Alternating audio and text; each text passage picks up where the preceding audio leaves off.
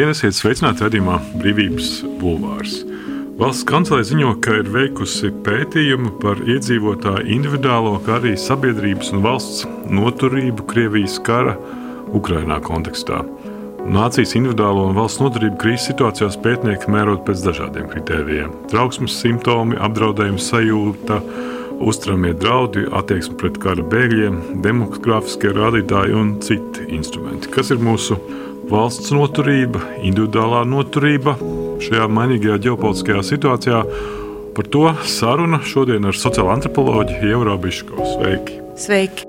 Kā tev liekas, vai ir iespējams izmērīt kopējo trauksmes līmeni sabiedrībā? Es nedomāju, ka var pilnīgi precīzi izmērīt, bet noteikti kaut kādas indikācijas jau aptaujas un cita veida izpētē uzrāda. Iedziļināšanās kaut kādos konkrētos gadījumos mums parāda, kā tā trauksme rodas, kā tā izpaužas, bet nerāda to kopējo ainu. Savukārt aptaujas mums varbūt var iezīmēt kopējo ainu. Tika minēta arī apdraudētības sajūta. Tā noteikti ir klātesoša.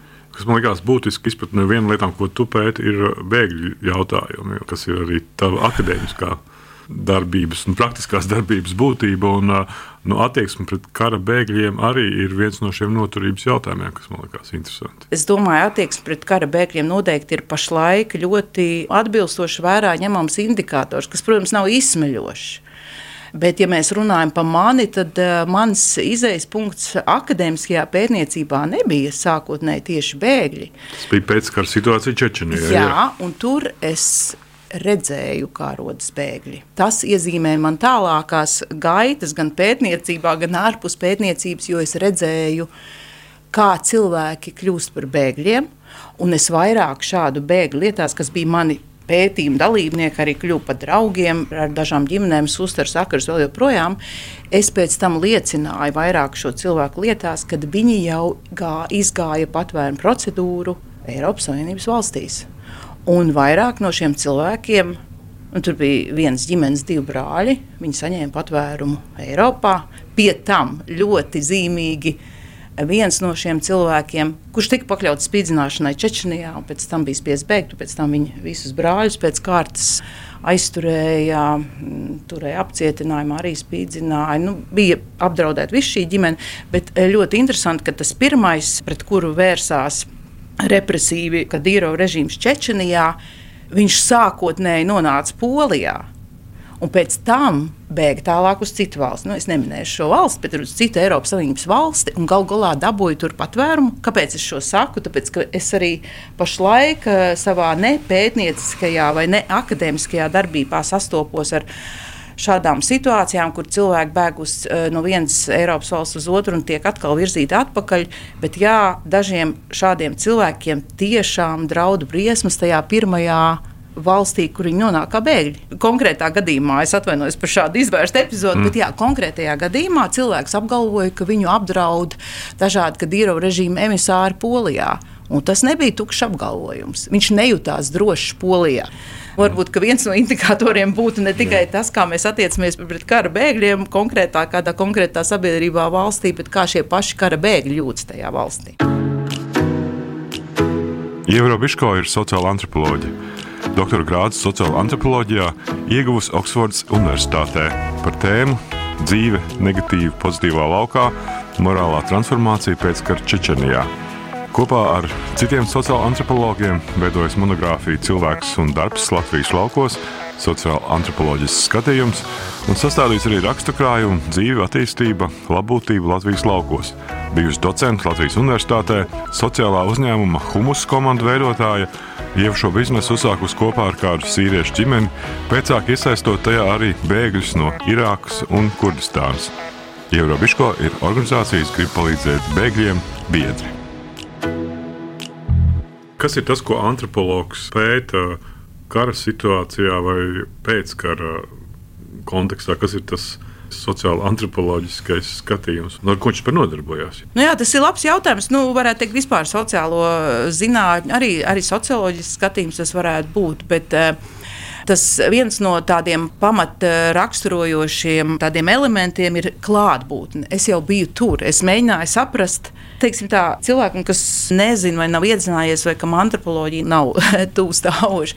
Nu, ko es daru? Es, es kā antropoloģija veicu lauku pētījumu pēc kara vietā vietā, kur ir tikko vai salīdzinoši nesen noslēgusies aktīvā kara darbība. Un es esmu tur un es mēģinu saprast, kā tas ir ietekmējis cilvēkus, ar ko viņiem jātiek galā. Ir. Nu, piemēram, es eju pa galveno ielu, kas tika pārsaukta par Putina prospektu, un tur ik pa brīdim ir kaut kādas bruņotas grupas. Un es pati man arī kā pētniecei jāsaprot, jā, man, protams, ir bail, un man, man no sākuma šokēja ieroču klātesamība. Es to arī aprakstīju savā vienā no nodaļām. Ieroču klātesamība visvisādos veidos. Dažādās izpausmēs, nu, piemēram, no plastikāta maisiņiem ārā, kā Lašņikovs kādam vīram. Nu, kāda, nu, mēs sēžam mikroautobusā vai es eju pat nu, jau Putina prospektu un pēkšņi ir.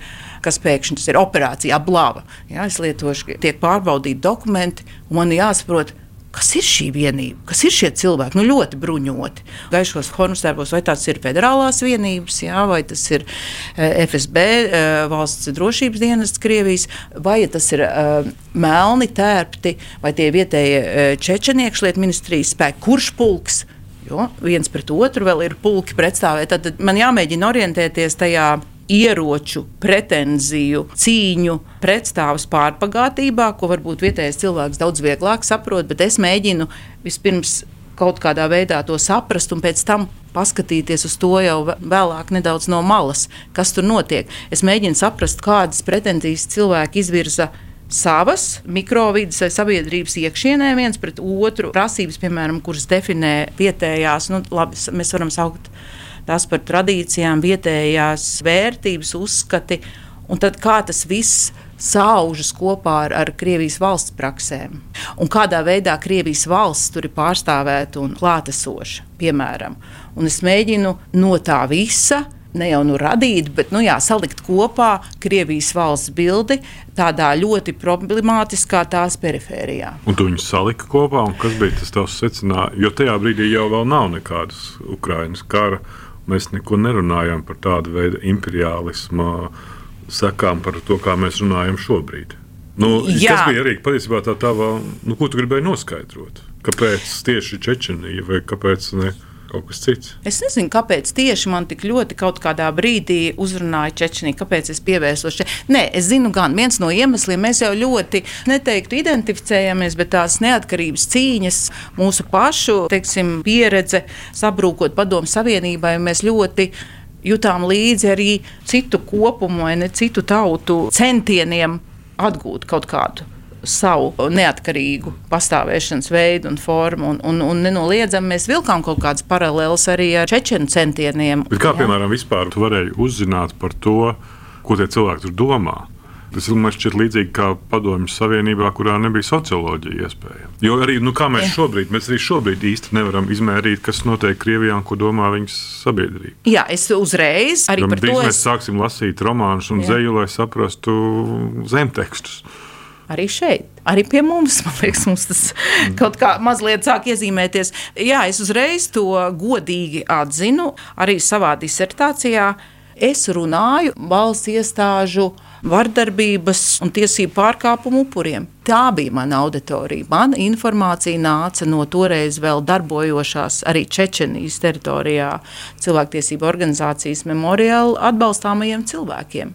No mātēm, kas meklēja savus pazudušos dēlus, vīrus, tēvus, no tēva, kas cīnījās par savu dēlu atbrīvošanu, ilgstoši apcietinātā. Jā, arī sarunu biedri bija cilvēki, nu, piemēram, mātes, kurām jau nebija ko slēpt un par ko baidīties, kuras bija atklātas par to, kas viņas skāra un par ko viņas cīnījās. Viņas, piemēram, cīnījās arī viens no tādiem lieliem jautājumiem un procesiem bija cietušo cilvēku vēršanās Eiropas eh, cilvēktiesību tiesā kur gandrīz visas lietas, kas nāca no Čečenijas, noslēdzās ar, ar labvēlīgu rezultātu cietušajiem. Nu, piemēram, par lielāku cilvēku grupu, kas cieta no plašām bombardēšanas kampaņām vai akcijām, vai grupa Kalnu ciemā, kur ciems tika sabumbots un kur cieta visi, un arī mājdzīvnieku un, un, un arī, arī saules zirgu bāri, piemēram. Ja? Bet nu, tādas lietas, kas ietver, piemēram, 20 cilvēkus, vai tādas lietas, kur cilvēks tika spīdzināts un pazudis, vai divi brāļi. Nu, tāda lieta ir ļoti daudz, un tās pārsvarā noslēdzās sekmīgi šiem cilvēkiem, nu, cik mēs varam vispār saukt par sekmīgu noslēgumu naudas kompensāciju, kad uh, cilvēks ir pazudis vai miris vai nogalināts. Bet, jā, un Krievijas valsts tobrīd atbildīgi maksāja kompensācijas. Nu, piemēram, ja. tā kā mana informācija nāca, es, es apskatīju tādu, nu, teiksim, tādu sabiedriskās dzīves fragmentu, kas bija ļoti klātesošs tajā brīdī Čečenijas republikā. Un tas bija Nu jā, tie bija tie zaudējumi. Tādi, kurus jau nevienmēr mēs varam izteikt tādā ļoti precīzā veidā. Jā, mēs varam pateikt, ka es, es zaudēju cilvēku, vērsos Eiropas cilvēktiesību tiesā un saņēmu kompensāciju. Bet šis cilvēks nāk pie maniem sapņos, un varbūt viņš tomēr nav pazudis. Un sapņi bija tāda sapņu eskatoloģija. Tur bija vesels tāds, tāds, tas bija tāds vesels kopums, kurā es negāju tik daudz iekšā, kurā gan vairāk iedzinājās mans, nu jau, diemžēl, bojā gājušais kolēģis, biedrs, draugs Mantas Kvedaravičs, kurš savu pirmo filmu uzņēma Čečenijā nu, man nācās iedzināties lietās, kas nevienmēr ir tā ļoti precīzi aprakstāmas un izmērāmas. Bet nu, mēs redzam, ka arī citur tas jau ir diezgan universāla iezīme, ka mēs nevaram um, vienmēr precīzi un, un absolūti objektīvi un distancēti izmērīt un aprakstīt uh, sociumu, kāda sabiedriskas norises. Mēs varam iezīmēt, jā, bet vai tas būs pilnīgi precīzi? Radījums Brīvības Bulvārs sarunas par to, kas notiek un ko mēs par to varam domāt. Radījumā Brīvības Bulvārs saruna ar sociālo antropoloģiju Ievu Robiško.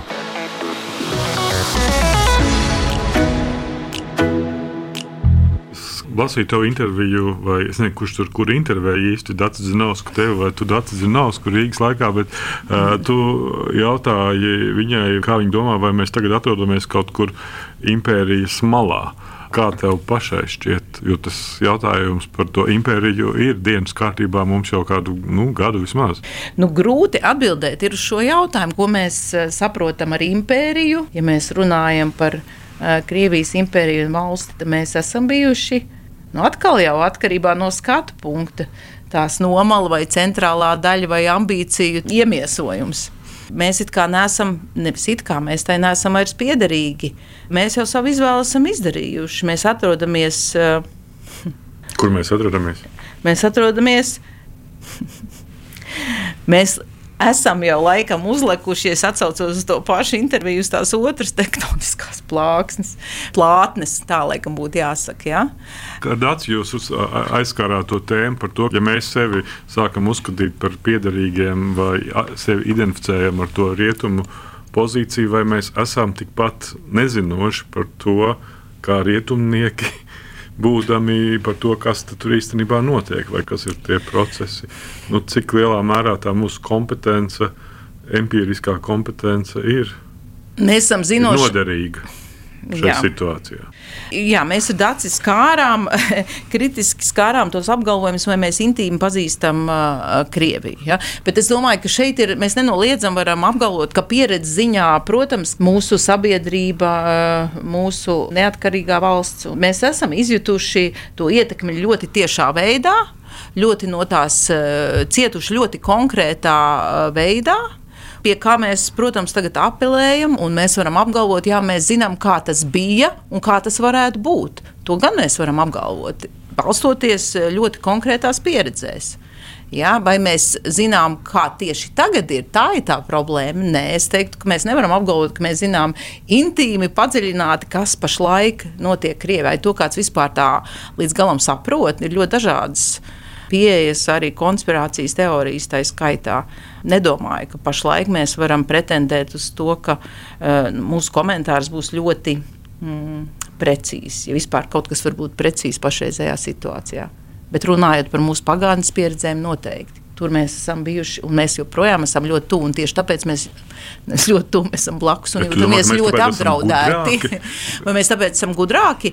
Eh, nē, mēs esam vairāk pieredzējuši smagi pieredzējuši. Mums ir bijušas smagas pieredzes, esot blakus uh, Krievijas valstī. pirms raidījuma es tev aizsūtu jautājumus, par ko mēs runāsim. Un uh, viena no tēmām bija, kas ir tas laikmeta lielais jautājums. Kā mēs to varam šobrīd, ja mēs mēģinātu to noformulēt, kas tad šobrīd notiek, ir kaut kāds pēcpatiesības laikmets. Tas ir kā, kā beidzies, šķiet, jau būtu. Pēcpatiesības laikmets, mēs atgriežamies pie patiesības. jo... Nē, mēs esam atgriezušies un iekrituši kara miglā.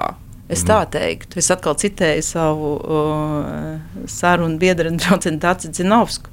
Nu, mēs esam iegājuši tādā melns, balts, ļoti striktu kategoriju telpā pašlaik. Tā es neteiktu, ka tā ir reakcija uz pēcpatiesību, bet tā ir reakcija uz to kara situāciju. Jā, jā. Kāds ir risks šajā situācijā? Es redzu ļoti liels risks. Es redzu, ka melns, balts situācijā ir ļoti grūti nodrošināt fundamentālu atšķirīgu viedokļu pastāvēšanu un šādu fundamentālu atšķirīgu viedokļu izteikšanu. Es redzu kaut kādā ziņā, ka tiek predeterminēts un predestinēts, ja tā varētu teikt, tas, kas ir pieņemams un ko var teikt. Un tiek ļoti agresīvi izslēgts tas, kas nav pieņemams. Un tās bailes un tāda pašcensūra, manuprāt, ir ļoti uztraucoša. Ko mēs varam atļauties teikt, ko nē, kas tiek uzskatīts par tādu, kas mūs apdraud. Man liekas, tas ir bīstami. Tas ir bīstami mūsu demokrātijai. Mēs uzskatām demokrātiju par labāko sabiedriskās dzīves formu. Jo, manuprāt, mēs virzamies prom no demokrātijas šajā ziņā. Aģentūra Leta pagājušā gada 13. janvārī vēstīja, ka valsts robežsardze ir sākusi kriminālu procesu pret diviem organizācijas grib palīdzēt bēgļiem biedriem saistībā ar viņu darbībām Latvijas-Baltkrievijas pierobežā. Viena no šīm personām bija biedrības projektu vadītāja Ieva Robiško. Policija ziņoja, ka divi grib palīdzēt bēgļiem pārstāvi pārkāpuši pierobežas joslas režīmu noteikumus un nebija saņēmuši speciālo caurlaidi. Saistībā ar minēto tiks sākta izmeklēšana par iespējamu kriminālu tiesisku nodarījumu.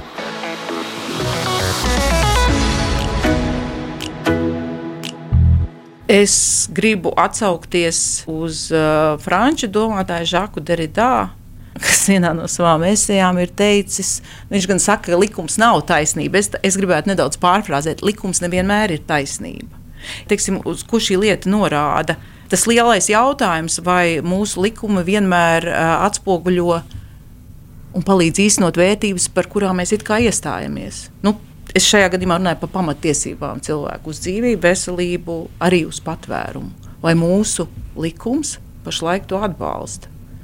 kāpēc vispār, ja ir iespējams kā, stāvot par šīm tiesībām, tikt krimināli sodītam, iespējams, par ko tas liecina. Kas ir tas tavs personiskais motīvs, kāpēc tu no tādas akadēmiskās pētniecības mm. saistībā arī ar bēgļu jautājumiem nu, sāki nodarboties tīri praktiski palīdzēt šiem cilvēkiem? Kas ir tas, kas tev nu, pamudināja to vispārīgo analīzi nolikt malā? Gribētu arī atgriezties pie e, vispārīgās analīzes, viens jau otru nevienmēr izslēdz, bet, protams, apvienojums jo, ir diezgan grūti. Jo bēgļi pasaulē jā. bijuši ir ļoti daudz, un viena latviešu sociāla antropoloģija neizglābs. Neizglābs tieši tā.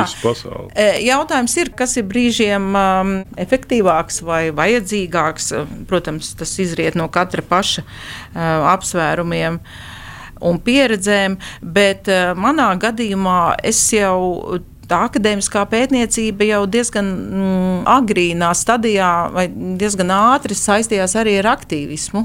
Jo, kā jau es teicu, ja es pievēršos tik smagām lietām, es aizbraucu uz Čečeniju, mēģinu par to rakstīt, es nevaru vienmēr kā, norobežoties no pārējām vajadzībām, prasībām, lūgumiem, jo nenoliedzami es tiek uzskatīta par kaut kādu iespēju atrisināt lietu, pavirzīt to uz priekšu, kaut kādā veidā atbalstīt. Nu, agri... Distancētība nav tās. Nu, bet, protams, jā, bet uh, sociāla zinātņu izpētu īpaši antropoloģija bijuši debats par to, cik mēs distancēti varam nu, skatīties un vērot sabiedrību no malas. Jā, 40. 50. gados bija tādas ambīcijas, bet, bet uh, jau kopš 80. īpaši kopš 80. jau sen tas uh, teiksim, atskārsme ir bijusi, ka tāda objektīva, absolūti objektīva pētniecība nav iespējama. Jā, protams, es varu mēģināt aprakstīt, analizēt, iezīmēt, balsoties ļoti tādā tādos padziļinātu gadījumu izpētē.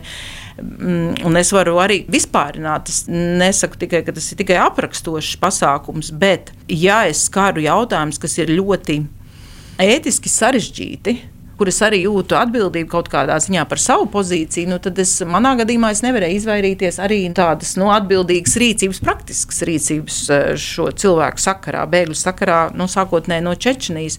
Es gribētu teikt tā, ka kaut ko izpētot, eh, un, un tā ir atkal jau katra paša izvēle, mēs varam paust, rakstīt, paust un diskutēt, tas ir viens.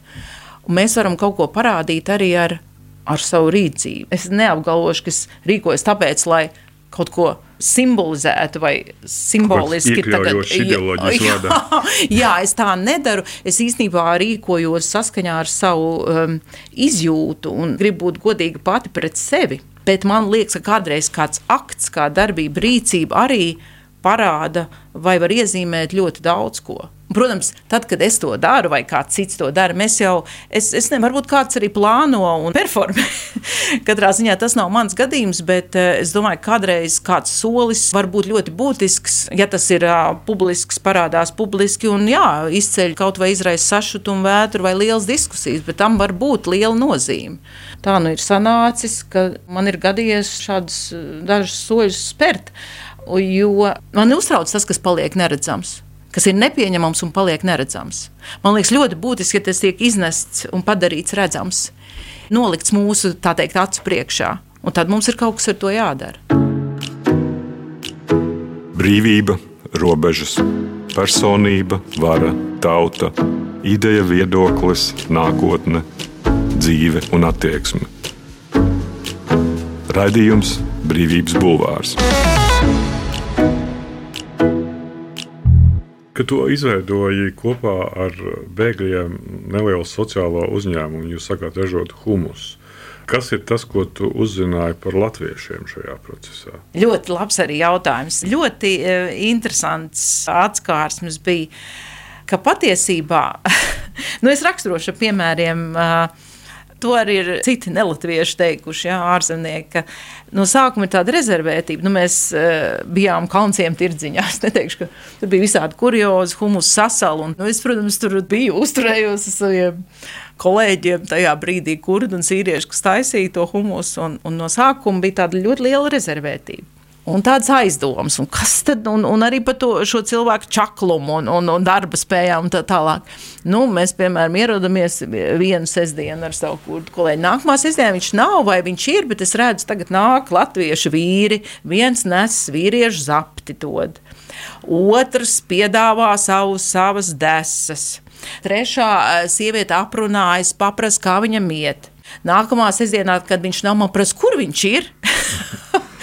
Un tad es redzēju to tādā ikdienišķā, ļoti jaukā veidā, kā veidojas tā pieņemšana un, un saskarsme. Tas, ko es varu pateikt par latviešiem, nu, bez nekādām šoreiz tādām ideoloģiskām notiem, ka tādā ikdienišķā dzīvē mums bija ļoti interesanta miedarbi ar, ar vietējiem cilvēkiem. Un tieši tas man liekas daudzsološi. Un tieši tas ir tas, ko es runāju, kad es saku, ka mums vajag redzēt cilvēkus, ka mēs tos cilvēkus ieraugām, ka mēs nostājamies acis pret aci viņiem un sākam runāt par kaut kādām lietām. Nu, tā ir. Nu, es atkal nepateikšu neko jaunu. Mēs atklājam, ka mums ir ļoti daudz kā kopīga, kā cilvēki. Nu, mēs varam dalīties savā vīriešu aptē, kādam garšo humus, kādam garšo maizi, bet mēs, eh, teiksim, tā cilvēciskā interakcija, miedarbi ir brīžiem ļoti bagātīgi. Protams, arī problemātiski. Protams, ka mums ir atšķirības un atšķirīgas pieejas un tā tālāk, bet tas nenozīmē, ka mēs nevaram kopā pastāvēt un pat iespējams viens otram kaut ko dot. Ne tikai ņemt, nu, tas ir tas, ko es arī, arī pāri robežas nākošie cilvēki. Nu, nu, ja mēs viņus nepazīstam, protams, ka e, mēs ļoti baidāmies, ka atņems, uzbruks, pārmāks.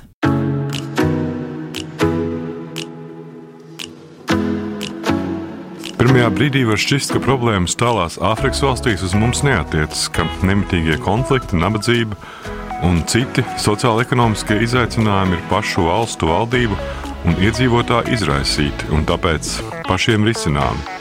Un tomēr grūtības, ar kurām šodien cīnās cilvēki Sāhelā, vismaz daļai ir veicinājuši pavisam citu pasaules reģionu iedzīvotāji. ja piekrītam daudz zinātnieku pētījumos balstītajai atziņai, ka klimata pārmaiņas ir reāls un cilvēku radīts, tad nevaram ignorēt arī faktu, ka tās vislielākā mērā veicina pasaules bagātākās valstis. Tā 2021. gadā portālā LSM savā blogā raksta Ievrobiško.